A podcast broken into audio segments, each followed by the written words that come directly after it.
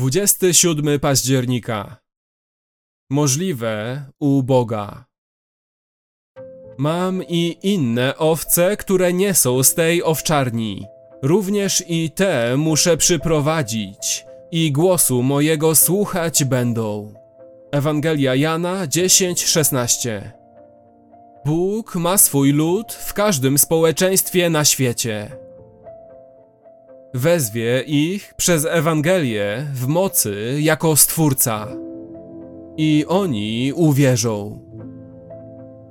Jakaż jest moc w tych słowach? Moc, która przezwycięża zniechęcenie w trudnych, misyjnych miejscach na świecie.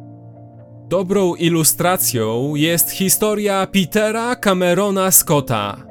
Urodzony w Glasgow w 1867 roku, Scott założył misję Africa Inland Mission.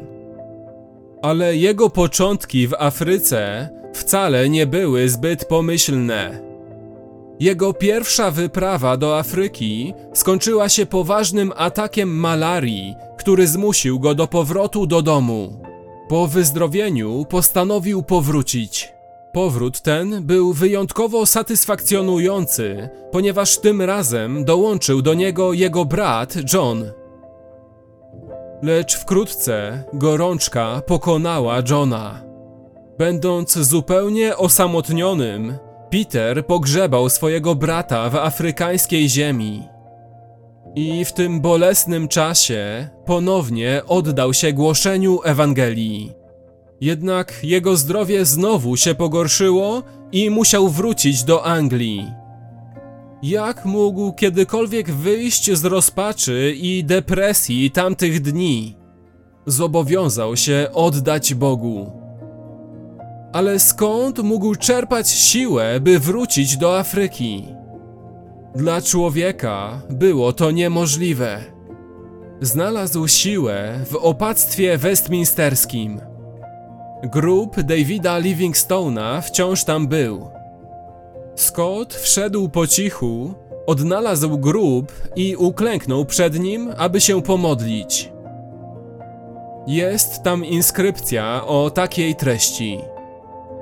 Mam i inne owce, które nie są z tej owczarni. Również i te muszę przyprowadzić. Powstał z kolan z nową nadzieją. Wrócił do Afryki. A dzisiaj, ponad 100 lat później, misja, którą założył, jest żywą, rosnącą mocą dla Ewangelii w Afryce.